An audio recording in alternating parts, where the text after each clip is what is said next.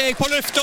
Mikrofon og alt har gått til balalaika. Da er det Balalaika med Alf Henden i studio igjen, og vi ser på historiske hendelser i uke 31. Og begynner med en fødsel i 1813. Ivar Aasen, norsk dikter og grunnlegger av nynorsk. Og han havna vel på de her krølla grønne 50-lappene. Det var vel der, så det var det som ble hans pengeseddel. Ja. Ja, jeg tror det. Men kom litt tilbake til han.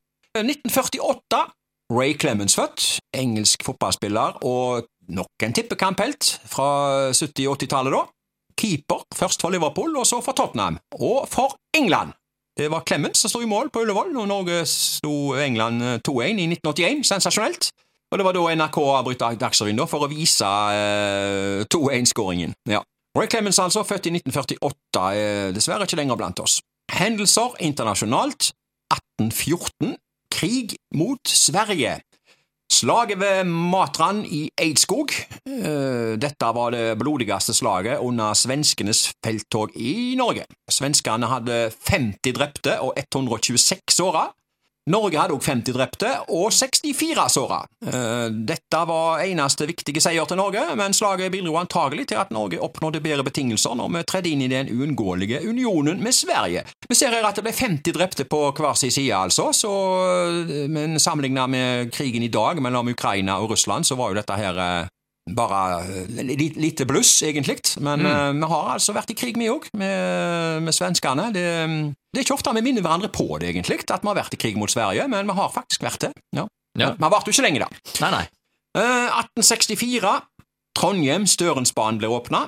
Jernbanenettet hadde jo eh, så vidt starta på den tida, og den første var strekningen Oslo-Eidsvoll i 1854 for øvrig. Men eh, Trondheim-Størensbanen ble altså åpna i 1864. Lokale hendelser.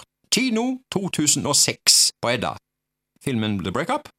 Og så gikk filmen Nysgjerrige Nils, en animasjon for barn, og det samme var Pusur 2.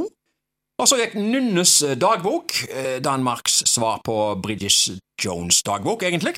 Elleveårsgrensa på den, og elleveårsgrensa var det også på øvrige filmer jeg nevner her. Kunsten å gjøre det slutt, det var en fransk forviklingskomedie. Og så var det Pirates of the Caribbean, Pirates of the Caribbean, ja? ja, en oppfølger her med Johnny Depp, og så gikk eh, Superman Returns. Ja, Ja, ja. En ganske ok eh, kinomeny i 2006. Ja. Og så nevnte jeg Ivar Aasen der. Nå skal vi til 1913. Ivar Aasen-fest. Haugesunds Avis skrev Ivar Aasen-festen i kveld vert åpna klokka halv åtte i Haugars lokale. Alle målfolk må være gild og møte på denne høgtidsdag for den norske målreising. Ja, altså over hele landet så var det en markering av at det var 100 år siden Ivar Aasen ble født, og det betyr jo at han i dag hadde vært, skal vi se her, han hadde altså vært 209 år gammel han da i dag, om han hadde fått levd. Ja. Ivar Aasen han var målmann på sin hals, og han var altså den første. Eh, ordet målmann ble jo ofte før i tida brukt om keeper i fotball. Eh, fremdeles er noen eldre, spesielt eldre folk som bruker ordet målmann, men de fleste sier vel keeper i dag. Norges første målmann på fotballandslaget var for øvrig Sverre Lie. Han var nemlig målmann i Norges aller første landskamp, Eh, så da kan vi diskutere hvem var Norges første målmann av Ivar Aasen og Sverre Lie. Eh, Bare la det henge i, i lufta. Kanskje vi skal svare Ivar Aasen der, siden det er Ivar Aasen-fest vi har eh, omtalt her i dag. ja.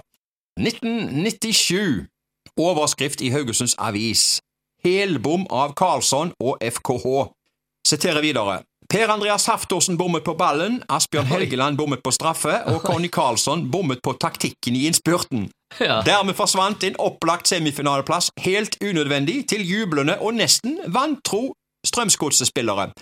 Si litt ting til her. Det Dette var altså en kvartfinale i cupen. FKH Strømsgodset 2-3 da, etter ekstremanger. Eh, FKH leder 2-0 etter skåringer av Asbjørn Helgeland og Jarle V. Det var over 5000 tilskuere, og det var ca. 30 grader. Sannsynligvis 30 pluss. Eh, altså eh, over 30 grader. Det lå jo an til en cupfest, som altså ble avlyst, og det var veldig spesielle ting her. Det var nettopp på denne kampen her at eh, begrepet eh, kalde pølser og varme brus oppsto. Å ja, Ja, ja, nå skal du høre, du.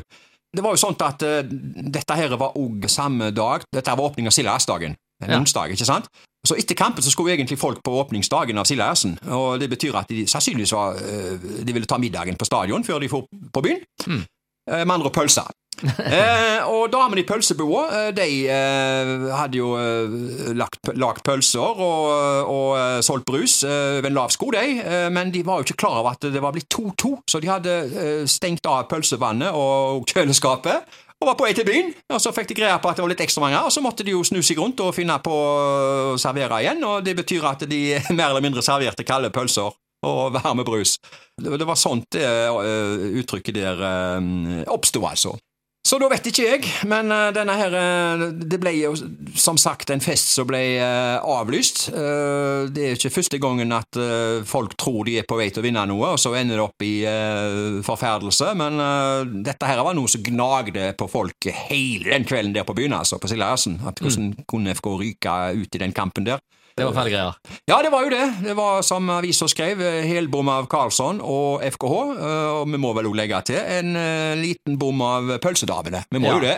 Og da føler jeg at det er bare én ting å spørre om her. Kalde pølser og varme brus! Hot or not? Nei, det, det er not. Det er not. Ja.